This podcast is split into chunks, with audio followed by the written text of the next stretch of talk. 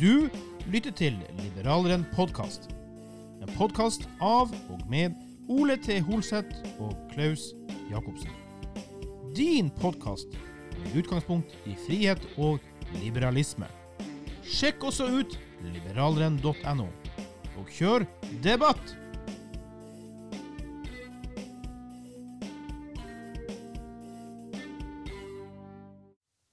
Og velkommen til en ny episode av Liberaleren podkast med meg, Klaus, og Ole. T. Holseth. Kjære lytter, du når oss på liberalaften at gmail.com. Du finner oss på Facebook, Twitter, Instagram og faktisk YouTube. Og ikke minst vil vi gjerne at du skal lese dine daglige nyheter på liberaleren.no. I dag så har vi en eh, samfunnsdebattant med oss over internett her. Det er godeste Jørn K. Balsersen. Eh, Balsersen, du var jo da redaktør av ei bok som ble gitt ut for en liten stund siden, 'Grunnlov og frihet'. Turtelduer eller erkefiender. Balsersen, det jobbes jo nå med et forslag om stemmerett for 16-åringer, og der vet vi at du har et litt spesielt syn på den saken. Forklar oss gjerne litt nærmere rundt, eh, rundt det. Ja, jeg eh, har jo vært i eh, mediene og frontet det helt motsatte av det som nå valglovutvalget har foreslått for kommune- og fylkestingsvalg, og et, et mindretall der har foreslått for stortingsvalg. Mm. Eh, De vil jo sette stemmerettsalderen ned, men eh, jeg ønsker altså å sette den opp. Og eh, noe av bakgrunnen for det, det er at jeg ser at selv ikke 18-åringer er veldig ofte modne nok til å ta del i den store, den store beslutningsprosessen eh, som er det å, å stemme ved valg. Og eh, jeg synes at man gjerne kan ha en stemmerettsalder som er høyere enn eh, myndighetsalderen. Fordi det er jo et, en mer alvorlig sak å bestemme over andre enn det er å bestemme over seg selv. Og det er jo et lite poeng da at du eh, får jo ikke lov å kjøpe sprit på polet før du er 20, men du skal få lov til å bestemme over alle andre fra du er 18. Og i noen, i ofte også noen måter før du er eh, 18 også. Mm. Men hva på en måte, hva tenker du, hva er en logisk grense her da? Har du noen, satt en grense på hvor du mener det bør være da? Jeg har foreslått å heve den til hele 25. Mm. Ok. Hvorfor, hvorfor opp til så mye da? Ja, altså det, jeg, jeg tok utgangspunkt i, i hva den var uh, opprinnelig. Og syntes at uh, det var et, uh, en, en grei grense. Selv- Selvsagt kan jeg, hvis, hvis noen vil være med meg på at den skal heves til 20, så går jeg med på det også.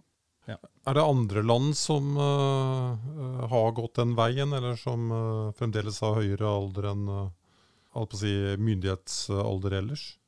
Ja, altså Det å sette opp stemmerettsalderen, det har vi faktisk eh, et eksempel på. I eh, Riktignok ikke på nasjonalt nivå, eh, så vidt jeg vet. Men delstaten Hesse på slutten av eh, 1990-tallet, der var det noen partier som satte ned stemmerettsalderen. eh, Det var vel for eh, føderalt valg og, og Nei, unnskyld. For delstatsvalg i Hesse og for eh, lokalvalg i den delstaten. Og det påfølgende året så kom noen andre partier til makten, og de skrudde tilbake. Mm. Men Men det var da, det var da et eksempel hvor de hadde satt den ned til 16, og så hadde de nådd igjen Ah, det påfølgende året. året. Men, men jeg oppfatter jo deg som en eh, liberalist, og oppfatter jo ikke det forslaget om å gå så høyt opp i alder som et liberalistisk tiltak. Hva, hvordan hvordan eh, altså, resonnerer du det til å være et liberalistisk tiltak og sette den opp den grensa? Jeg tenker jo da det blir en mindre frihet av det. Ja, jeg bruker ikke begrepet liberalist uh, om meg selv. Uh, OK? Men som jeg har vært inne på, så handler jo dette om å bestemme over i stor grad om å bestemme over andre. Mm. Og eh, det er jo slik at eh, nå, nå til dags så eh, er det veldig mange som lar være å gå ut i jobb før de er eh, 25. Så en, en tredjedel av uh, de som er mellom 19 og, og 24. De uh, går jo på høyere, høyere studier, og noe som koster veldig mye penger, og som de får helt såkalt gratis av eh, samfunnet, Mm. eller av staten, Mm. skattebetalerne. Og eh, da kan det være en grei regel at eh, vi venter med å delta i å bestemme over disse midlene inntil de kommer i en full jobb eh, selv. Selvsagt er det jo mange som eh, begynner å jobbe før det, men hvis man skal eh, sette en generell stemmerettsaldersgrense, så mener jeg det riktig, kan være et riktig tiltak å sette den så høyt opp som til 25. Ok, Men hvis du sier at du ikke er, eller karakteriserer deg sjøl som liberalist, hva vil du si, hva er din politiske ståsted i skalaen da, hvis du vil plassere deg et sted? da? Ja, altså jeg, jeg er tilhenger av eh, frihet og, å redusere, statens omfang så det monner. Mm. Det holder for oss. Så jeg kan, jeg, du, kan, du kan si at jeg, en, eh, jeg lener sterkt mot uh, å være liberalist, da, men jeg ønsker ikke å bruke den betegnelsen direkte. Men, men det er jo alltid morsomt å leke den leken uh, hvis du fikk lov å bestemme nærmeste år i Norge. Og da vet vi hva du ville gjort med stemmealderen. Men uh, sånn rent bortsett fra det, hva, hvilke tiltak ville du iverksatt om du hadde alle maktmidler? Jeg ville redusert eh, omfanget på, på statens andel av eh, økonomien. Jeg har bl.a. vært i Nettavisen med et, eh, et forslag om grunnlovsbestemmelse som vil begrense hvor mye staten kan ta av den enkeltes inntekter for år, og begrense det til høyst 30 da. Og eh, for hele økonomien, økonomien som sådan begrenset det til 20 Mm. Dette er musikk i våre ører. Jeg tror vi er mer enn fornøyd med liberalerhetsgraden din. Så kan man selvfølgelig, så kan selvfølgelig diskutere opp og ned om eh, det er riktig grense å, å sette. da. Hvis man setter en sånn grense, så sier man at eh, ja, det å rappe 70 av eh, Eller det å rappe 30% av noens eh, inntekt, sånn at vedkommende bare for å beholde 70% det er legitimt. Så ved å, ved å skrive en sånn grense inn i Mm. i Grunnloven så sier man at så kan det lett bli forstått dit hen at eh, hvis man holder seg under den grensen, så er det fullt ut legitimt å, å ta fra folk såpass mye. Mhm. Poenget er jo å ha en pra pragmatisk grense, for, for, for, at nå er det jo ingen grense. Nei, Vet du hva det nivået ligger på i dag? Jeg vet at eh, det ligger på rundt 60 eh, for totaløkonomien. At eh, Mm. Stemmer det. Og nå blir det nok enda mer pga. koronakrisa. Men vi må få lov å skyte inn eh, et, eh, en debatt som foregår i Dagens Næringsliv akkurat nå. Det er NHO-sjefen som da sier det at eh, nå må vi ikke bruke denne koronakrisa til å gjøre offentlig sektor enda større.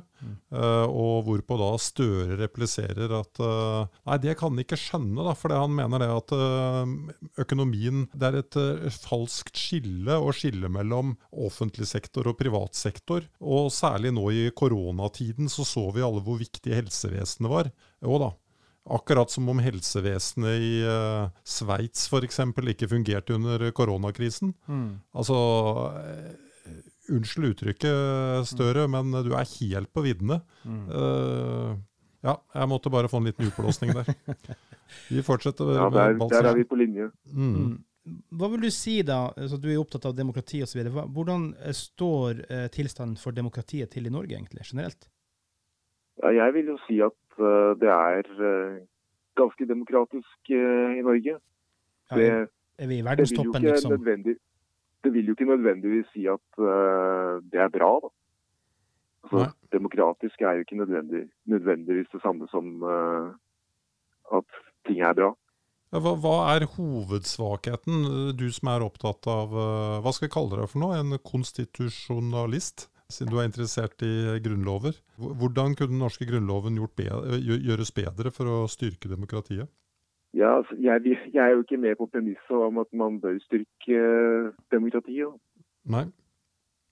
Nei. Jeg syns at, at flertallsstyret er uh, for sterkt. At uh, det man, skal man heller begrense enn uh, enn å styrke. Det er, det er andre ting som bør, bør styrkes. Mm -hmm. Liber, våre liberale tradisjoner som, som, legger begrensninger på flertallsmakten. Ja, At det enkelte individ har innebygde rettigheter som flertall ikke får lov å røre. Ja. Mm. Og da tenker du spesielt på? Et, et av problemene med, med demokratiet da, det er jo at det er noe som Friedrich von Hayek uh, har vært inne på. Og han, uh, han foretrakk demokrati over ikke-demokrati.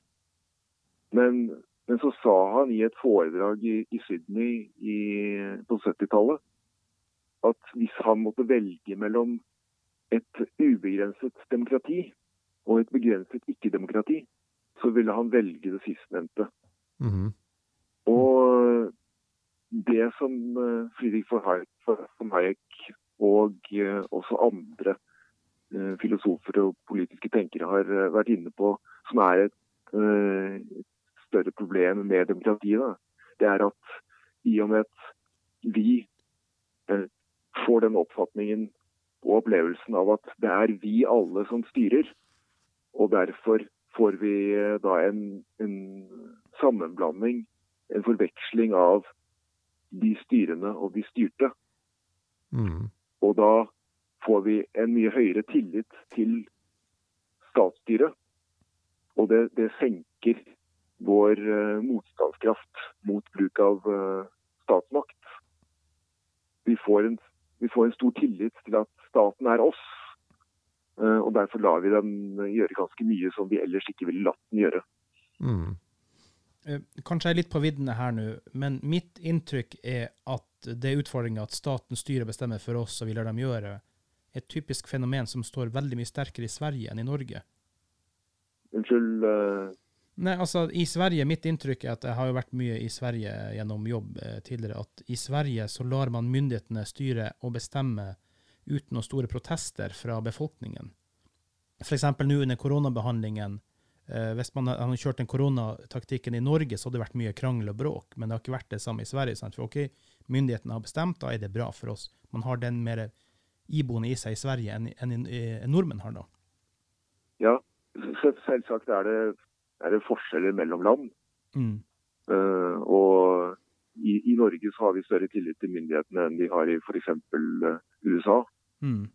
Allikevel eh, mener jeg at det da er en, en tendens i demokratier som sådan, altså generelt, at når vi har denne opplevelsen av at staten er oss, mm.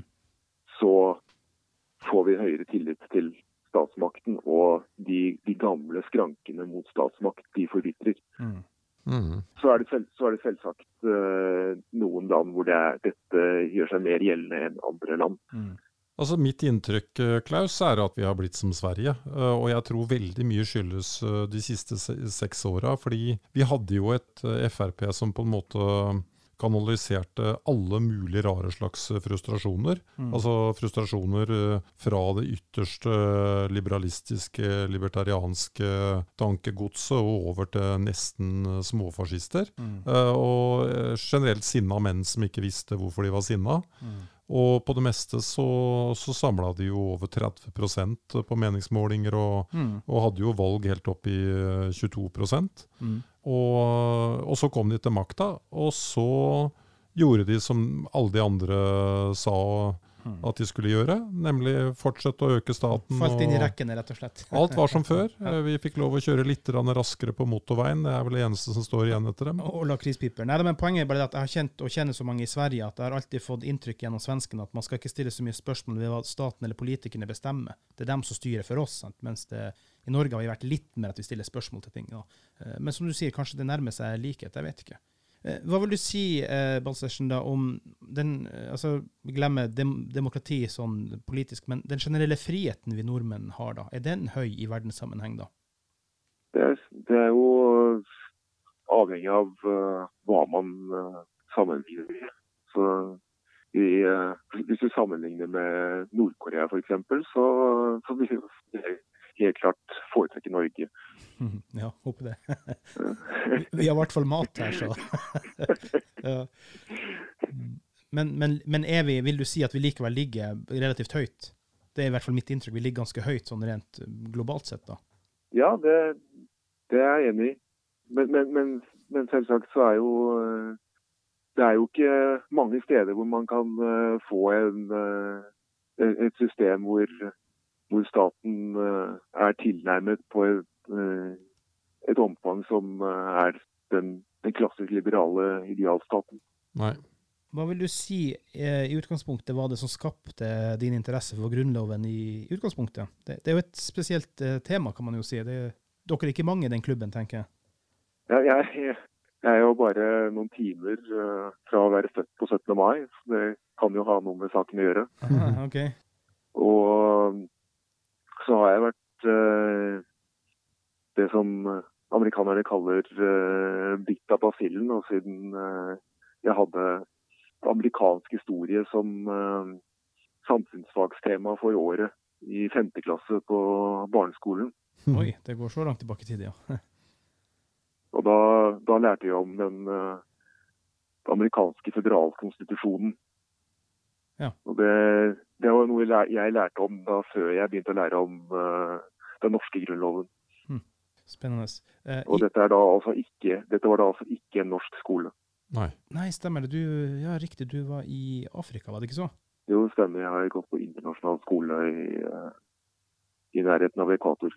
Og hvordan havna du i den situasjonen, holdt jeg på å si? Det var uh, faren min som uh, gjerne ville oppleve Afrika, og søkte om uh, jobb i Norad for en begrenset periode, og fikk det. Ja, Og det gikk bra? Det ble et rikt land etter at dere dro, da, eller? vel, det har vel skjedd ting der siden vi dro derfra som ikke var så bra. Men det var helt sikkert fordi at vi dro derfra. Mm -hmm. Mm. Nei, Hvis Norad bare hadde fått lov å pøse på med noen prosjekter til, så hadde det helt sikkert vært som Norge nå.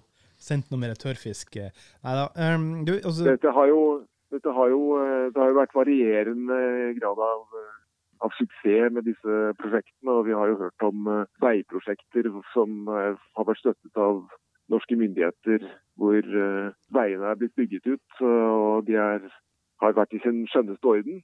Mm. Men så forfaller de fordi at vedlikehold det går jo på den statens budsjett. Og det settes jo da ikke av noe midler til vedlikehold.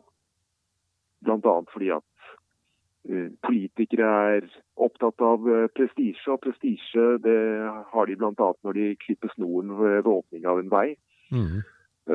og så når de vet at de får penger til eh, nye veier, men ikke til vedlikehold, så er det, jo, er jo det et incitament til uh, å la veien forfalle inntil de har behov for en ny en.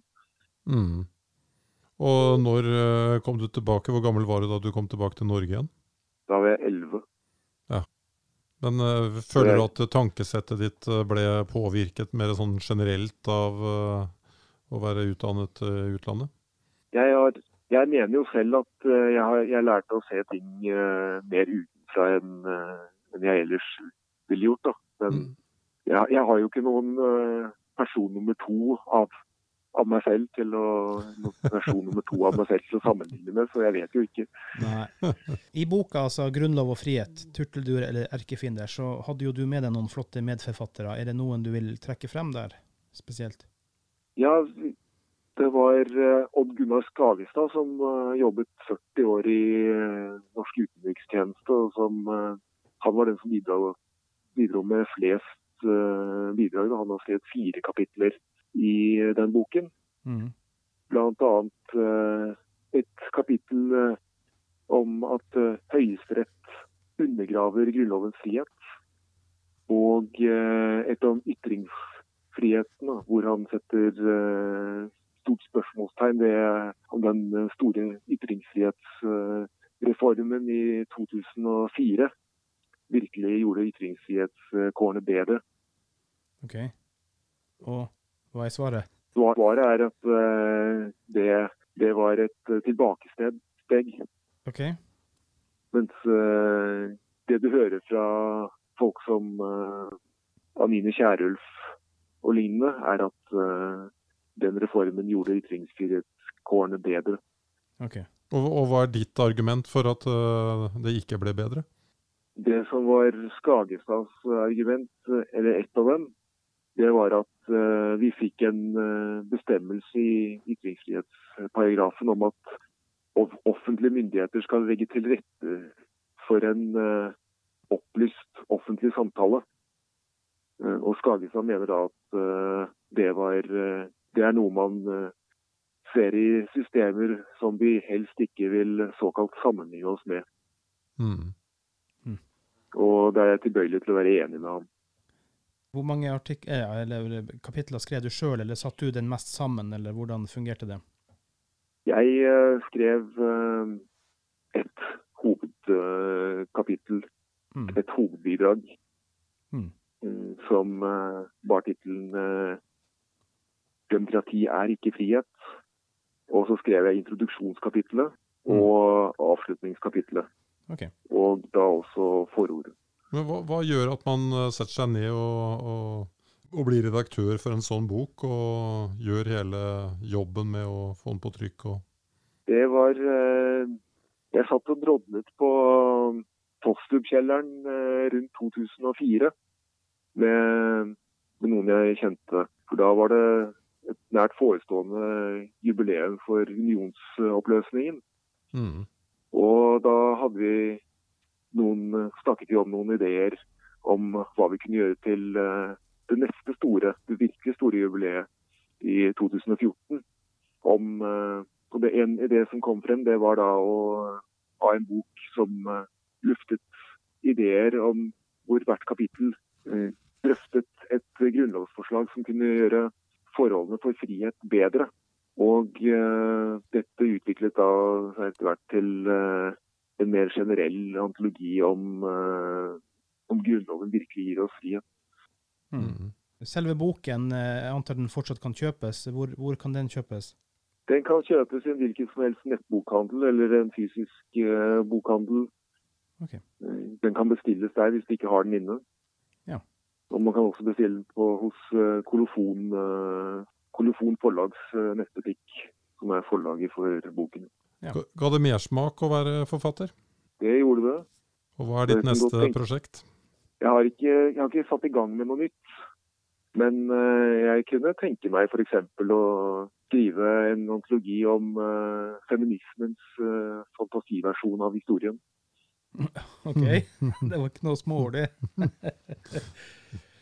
Uh, ja, apropos en kar som på en måte er kjent innenfor uh, alle mulige uh, rekker. Churchill sa jo en gang at demokrati er den verste styreformen, bortsett fra alle andre som har vært prøvd før. du hadde noen egne tanker rundt det? Få høre litt hva du tenkte der. Ja, Churchill sa jo dette i en debatt i det britiske underhuset i 1947. Mm. Og da hadde jo Churchill nettopp vært vært i en krig, ledet en krig eh, mot uh, et forferdelig diktatursystem. Mm. Og det som kanskje er litt ironisk, det er at han, han sa dette i debatt som opposisjonsleder mot et forslag fra Arbeiderpartiregjeringens et forslag fra Arbeiderpartiregjeringen om å innskrenke overhusets makt ytterligere. Okay. Og Det er jo litt spesielt at et, et sånt sitat skriver seg fra en, en debatt hvor uh, noen faktisk ønsket å gjennomføre det mange vil se på som en uh, demokratisering. Mm. Og du kan jo også trekke frem sitater fra, fra, Churchill om demokrati som ikke bærer i, i den retningen som det gjør i det sitatet. Ja, Han var en slags eh, aristokrat, en person som virkelig trodde på overhusets uh, makt og uh, suverenitet. ja, ja han, han, ville jo ikke gi uh, frihet til India, blant annet. Nei, det er veldig lett å glemme at på 30-tallet så hadde han jo to kampsaker. Det ene var at for enhver pris så skulle ikke India slippes fri. og det andre var at han advarte mot Hitler. Okay. Men det som er litt spesielt, at en sånn person i dag hadde ikke fungert. Det har vi snakket om før. altså Han drakk jo nærmest døgnet rundt. Ja, ja, ja. ja. Så um, hans karakter hadde ikke fungert så veldig bra i dagens uh, samfunn. Ja, vi har jo, uh, vi har jo også Jeg, jeg leste den boken uh, om, av Frank de Cutter, 'How to be a Dictator', som jeg skrev litt om på liberale.no. Mm. Ja, mm. og der kan man bl.a. se at Churchill blir sitert i beundring for Mussolini. Okay. Mm. Eh, apropos eh, eh, diktator, da, og kanskje litt dårlig overgang der, men ref, ref den amerikanske president og valgkampen der, da. Fins det noe grunnlovsmessig å tenke på der? Si f.eks. dersom eh, Biden skulle bli dement underveis, som Ole frykter, eller at Trump, om han skulle vinne, blir enda mer gæren enn han er i dag. Er USA sikra på noe vis ved, ved sånne type hendelser? Grunnlovsmessig, altså. Ja, altså Man har jo en uh, grunnlovsbestemmelse som, uh, sier, som, hvis, uh, som, som, sier at hvis presidenten er ute av stand til å regjere, og man ikke er mentalt i stand til det, så kan man avsette ham utenom riksrett. og Det er en egen prosedyre for dette i et av de aller seneste grunnlovstilleggene. Jeg har jo Og, sett det i det verste dramatiske TV-serier, men jeg trodde det var mer fiksjon enn det var sannhet. Ja, og så, så er det jo det at eh, frem til eh, valgmannskollegiet velger eh, president i desember, Mm. så, så er jo ikke presidenten eh, valgt. Så, og valgmannskollegiet er jo et eh, kan jo ses på som en sikkerhetsventil. Så hvis det skjer noe frem til det tidspunktet, Mm. så kan jo faktisk, selv om, selv om eh, en person har, valgt, har vunnet valget i eh, tidlig november, Mm. og det da skjer noe mellom det valget som er helt klart og tydelig eh, taler mot at han, eh, den som er valgt, blir president, Mm. så kan valgmannskollegiet velge annet.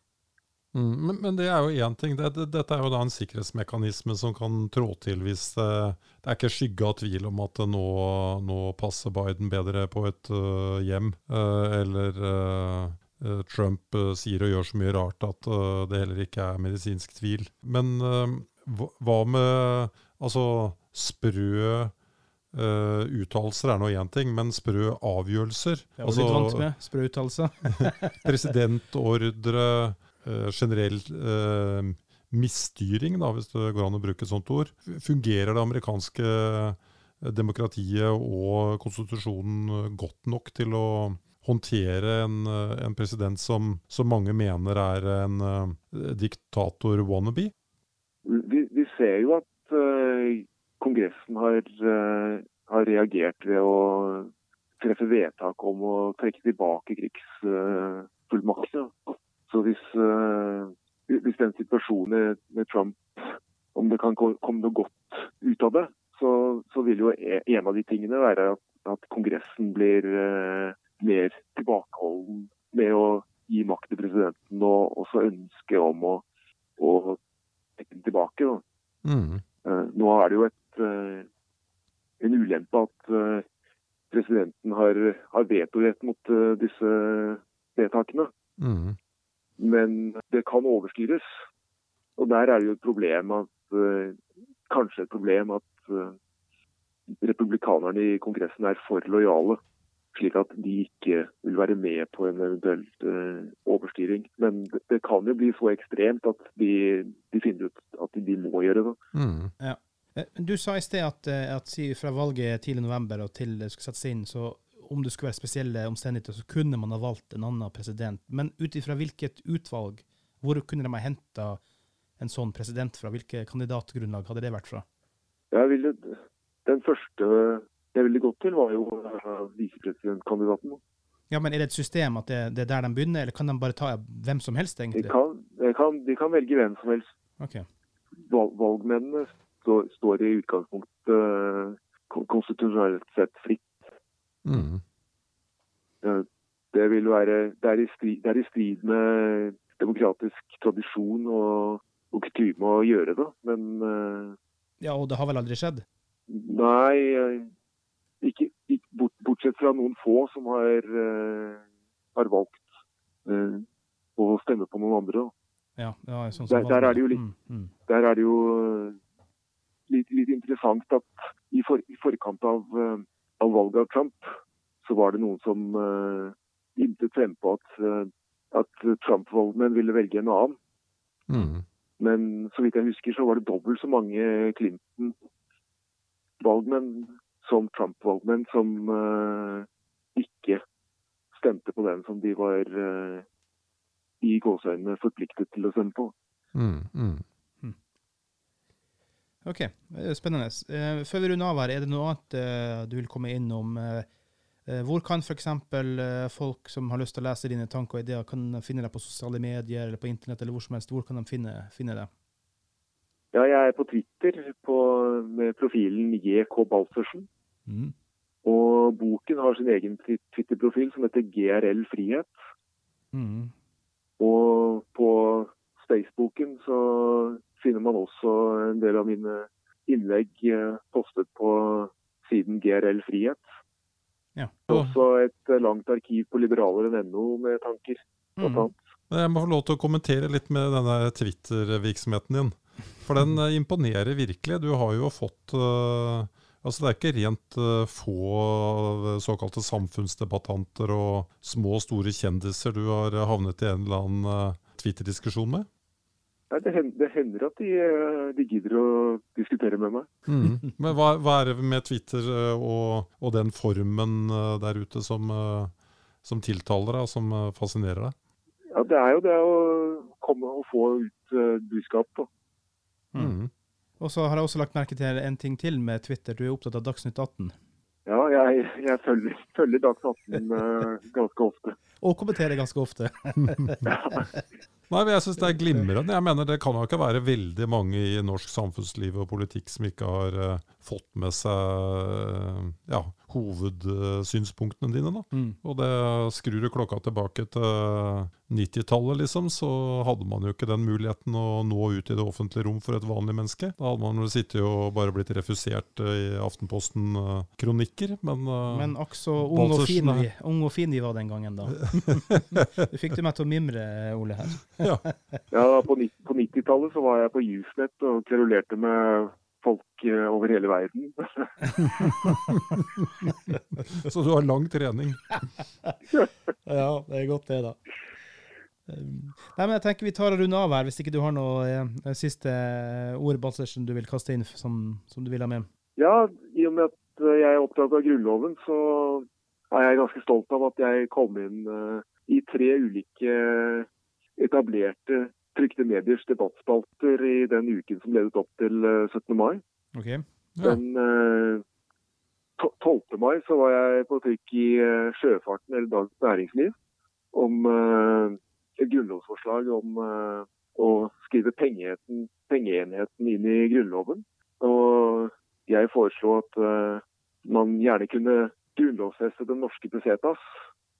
Og jeg mente at det var, var eh, heller slik at Grunnloven burde bes- bes- beskytte oss mot eh, den eh, sentralbankaktiviteten som vi har.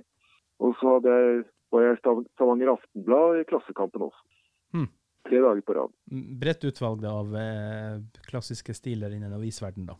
Nei, jeg, jeg, som sagt, jeg er imponert over hvor bredt du har greid å få ut budskapet ditt. Du må jobbe veldig mye med dette her, det, det er helt sikkert. Takk. Men eh, vi takker uansett for at du har stilt opp. Så selvfølgelig så skal vi ikke se bort fra at vi gjentar eh, det en annen gang. Kanskje på et eller annet tidspunkt når ting i samfunnet har roa seg ned, at jeg og Ole også begynner å reise rundt med opptakeren, gamle kassettbånd, holdt på å si, og i det hele tatt, så, så ikke se bort fra at vi møtes igjen også. Da sier vi Det bare håper jeg vi gjør. Ja, Tusen takk for i dag. tusen takk for i dag, og takk for at du stilte opp, eh, Balsersen. Takk selv.